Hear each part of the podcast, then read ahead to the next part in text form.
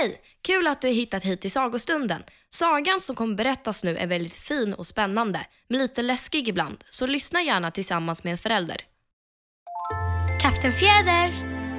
Kapten Fjäder! Ja, hallå? Vad heter du? Jag heter Celine. Och vad ska vi berätta om idag? Ja, vi ska berätta om Hans och Greta. Ska vi säga varsågoda? Varsågoda! Varsågoda.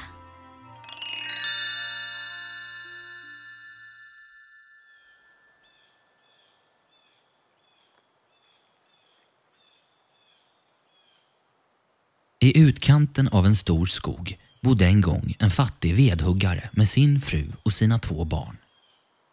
Pojken hette Hans och flickan hette Greta.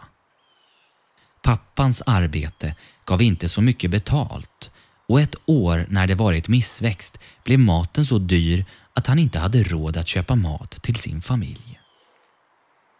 På natten så kunde han inte sova utan försökte komma på vad han skulle ta sig till.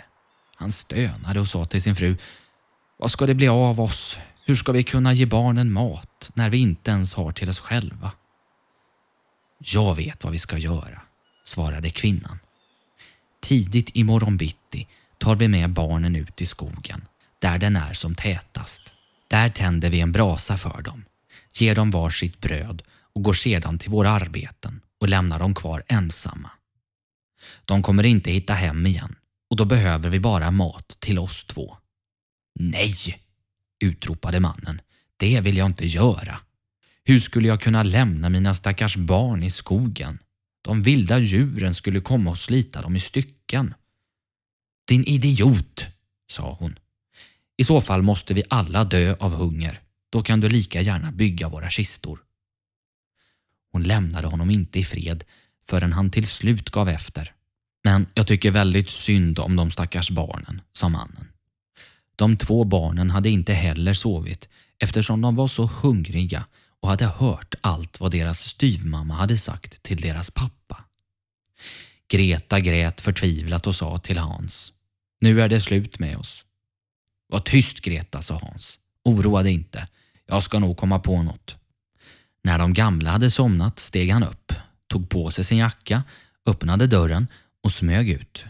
Månen sken och de vita stenarna som låg framför huset glittrade som silverpengar. Han stoppade sin jackas fickor fulla med de vita stenarna.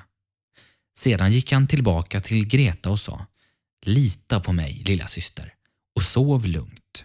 Gud kommer inte att överge oss. Sedan la han sig i sin säng igen. I gryningen innan solen gått upp kom styvmodern in och väckte barnen och sa Stå upp era slöfockar. Vi ska gå in i skogen för att hämta ved. Hon gav en liten bit bröd till dem var och sa Här får ni till er middag, men ät ingenting innan dess för ni får inget annat. Greta stoppade brödet innanför förklädet eftersom Hans hade sina fickor fulla med stenar. Sedan gick de tillsammans in i skogen. När de gått en stund stannade Hans och tittade tillbaka mot huset. Så gjorde han gång på gång. Hans, vad är det du tittar efter? sa fadern. Du kommer ju efter. Glöm inte hur man använder benen. Jag tittar efter min vita katt som sitter på taket och vill ta farväl av mig, sa Hans. Kvinnan sa då Dumbom, det är inte din lilla katt, det är morgonsolen som skiner på skorstenen. Hans hade emellertid inte tittat efter katten utan hade med jämna mellanrum tagit en sten ur fickan och lagt på vägen. När de nått till skogens mitt sa pappan Nu barn, samla ihop lite ved så ska jag tända en brasa till er så att ni inte blir kalla. Hans och Greta samlade ihop kvistar till en brasa, hög som ett litet berg. Pappan tände brasan och när den brann för fullt sa styvmannen Lägg er nu ner och vila vid brasan. Vi går in i skogen och hämtar ved. När vi är klara kommer vi och hämtar er. Hans och Greta satte sig vid brasan och vid middagstid åt de lite av sitt bröd. När de hörde ljud som lät som yxhugg trodde de att pappan var nära. Det var dock inte en yxa utan en avbruten gren som gungade i vinden och slog mot en stam. Så småningom föll de i sömn. När de vaknade hade det blivit mörkt. Greta började gråta och sa Hur ska vi hitta ut ur skogen nu? Men Hans tröstade henne och sa Vänta bara tills månen börjar lysa så ska vi nog hitta. Efter en stund lyste månen upp skogen. Hans tog då sin systers hand och följde de vita stenarna han lagt ut, som nu sken som silvermynt och visade dem vägen. De gick hela natten och i gryningen kom de till pappans hus. De knackade på dörren och när styvmannen öppnade dörren och såg Hans och Greta sa hon Era elaka barn, varför har ni sovit så länge i skogen? Vi trodde aldrig ni skulle komma tillbaka. Pappa gladdes däremot eftersom det hade gjort honom ont i hjärtat att lämna kvar dem ensamma. Inte långt därefter blev det återigen dåliga tider i landet och barnen hörde en kväll sin styvmamma säga till pappan All mat är slut igen. Vi har en halv limpa kvar och det är allt. Barnen måste lämna oss. Vi tar dem ännu längre in i skogen så att de inte kan hitta tillbaka igen. Det finns inget annat sätt att rädda oss själva. Mannens hjärta var tungt och han tänkte det borde vara bättre att dela det sista brödet med barnen. Styvmamman ville inte lyssna utan skällde på honom. Den som säger A måste säga B och nu måste han göra som han gjorde förra gången. Barnen hade varit vakna och hört hela samtalet. När de gamla hade somnat steg Hans återigen upp och skulle gå ut och plocka stenar. Men styvmorden hade låst dörren så han kunde inte komma ut. Han tröstade ändå sin syster och sa Gråt inte Greta, sov lugnt. Gud kommer att hjälpa oss. Tidigt på morgonen kom styvmodern och tog barnen ur sina sängar. De fick sitt bröd, men det var nu ännu mindre än det varit förra gången. På väg in i skogen smulade Hans sitt bröd i fickan och med jämna mellanrum stannade han till och kastade brödsmulor på marken. Hans, varför tittar du dig omkring? sa fadern. Skynda på. Jag tittar efter min lilla duva som sitter på taket och vill ta adjö med mig, svarade Hans. Dumbom, sa styvmamman. Det är ingen duva, det är solen som lyser på skorstenen. Hans fortsatte att kasta smula efter smula på vägen. Styvmamman ledde barnen ännu djupare in i skogen, till en plats där de aldrig varit förut. Sedan gjordes åter en stor brasa och styvmamman sa Bara sitt här barn och när ni blir trötta kan ni sova en stund. Vi går in i skogen för att hugga ved och till kvällen när vi är klara kommer vi och hämtar er. När det var dags för middag delade Greta sin bit bröd med Hans som hade spridit ut sitt bröd längs vägen. Så småningom föll de i sömn. Kvällen kom. Men ingen kom för att hämta de stackars barnen. De vaknade inte förrän det var mörka natten. Hans tröstade Greta och sa Vänta bara Greta tills vi ser månen lysa starkare så att vi ser de smulor jag lagt på vägen. De kommer att visa oss vägen hem. När månen lyste upp den mörka natten gav de sig iväg men de hittade inte några smulor. Alla de tusentals fåglar som fanns i skogen hade ätit upp varenda liten smula. Vi ska snart hitta vägen ut, sa Hans till Greta. Men det gjorde de inte. De gick hela natten och hela nästa dag också, men de hittade inte ut ur skogen. De blev väldigt hungriga eftersom de inte hade något att äta förutom några få bär som de hittade.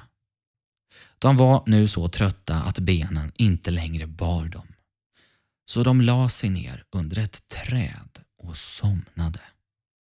Det var nu tre dagar sedan de hade lämnat sin fars hus.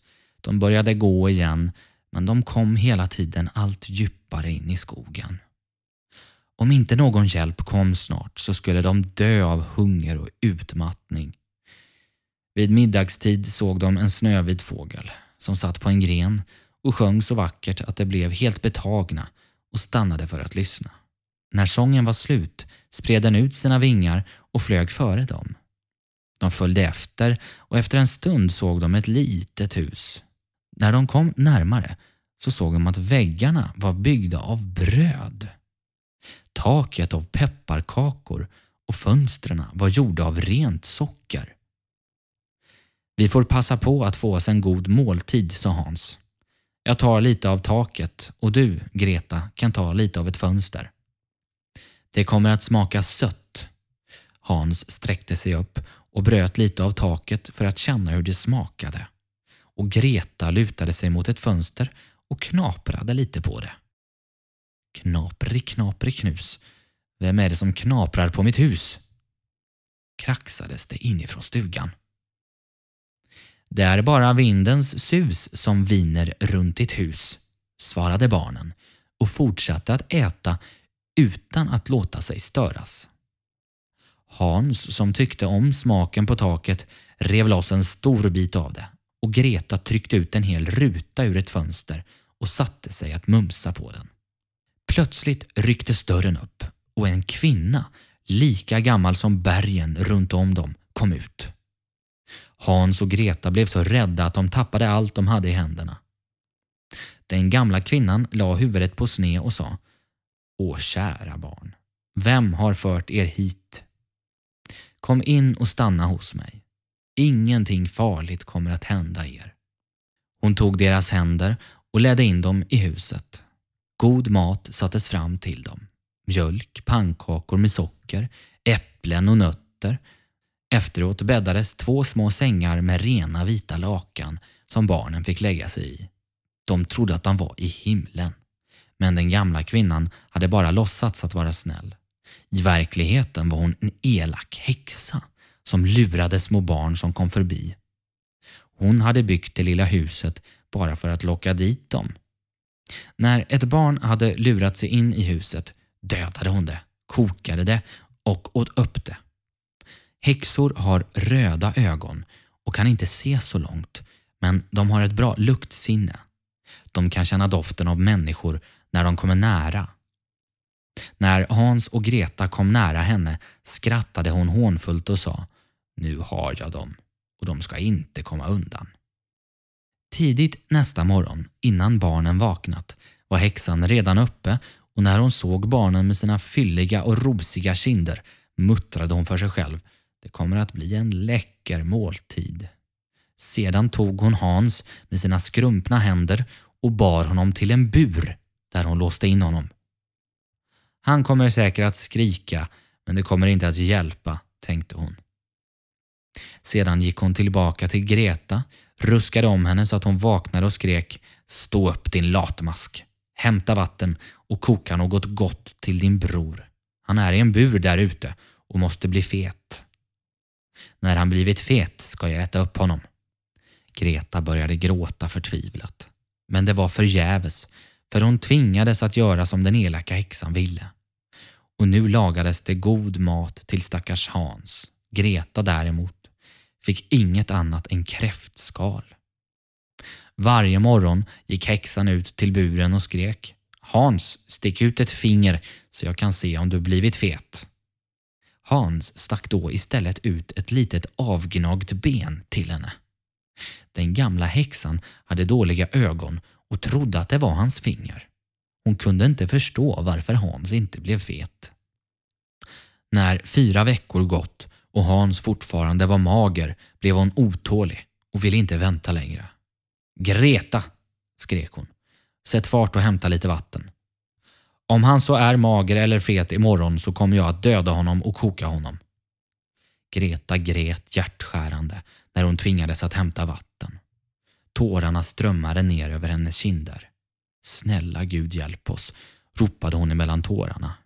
Om ändå de vilda djuren fångat oss och ätit upp oss, då hade vi åtminstone fått dö tillsammans.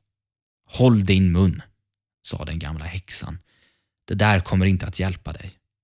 Tidigt nästa morgon tvingades Greta ut för att hänga upp grytan med vatten och tända elden.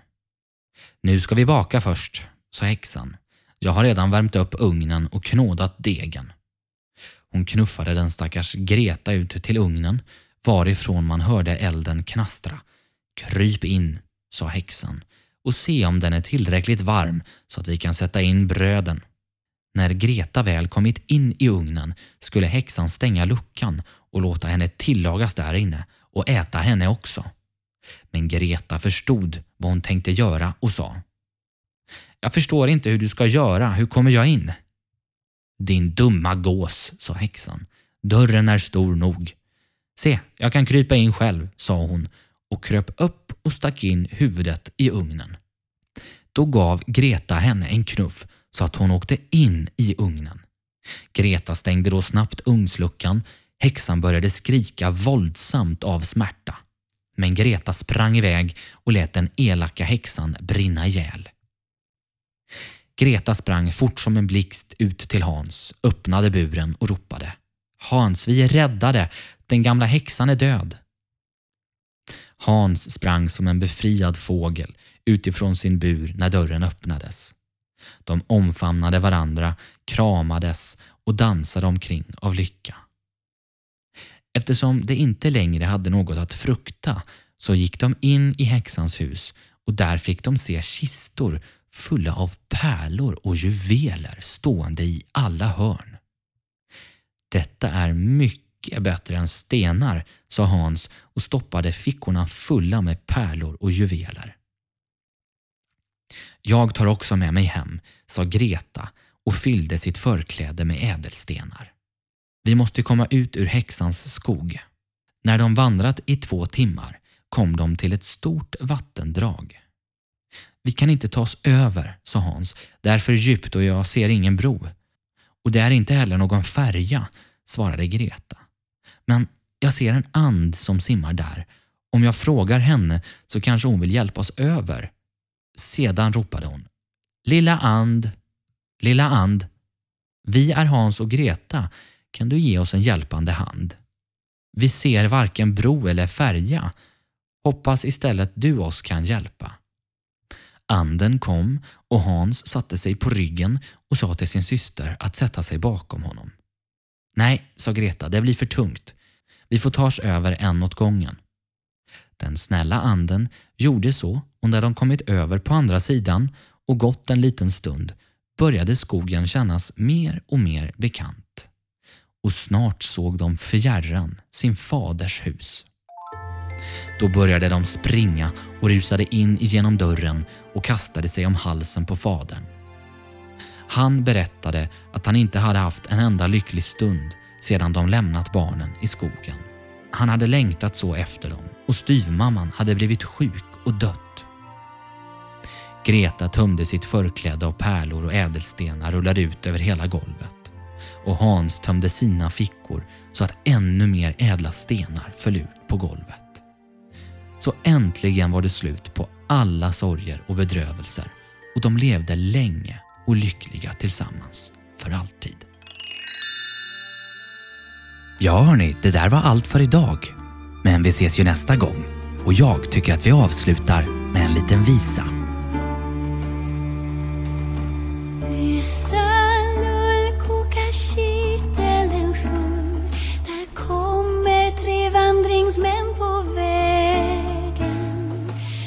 일산 고가시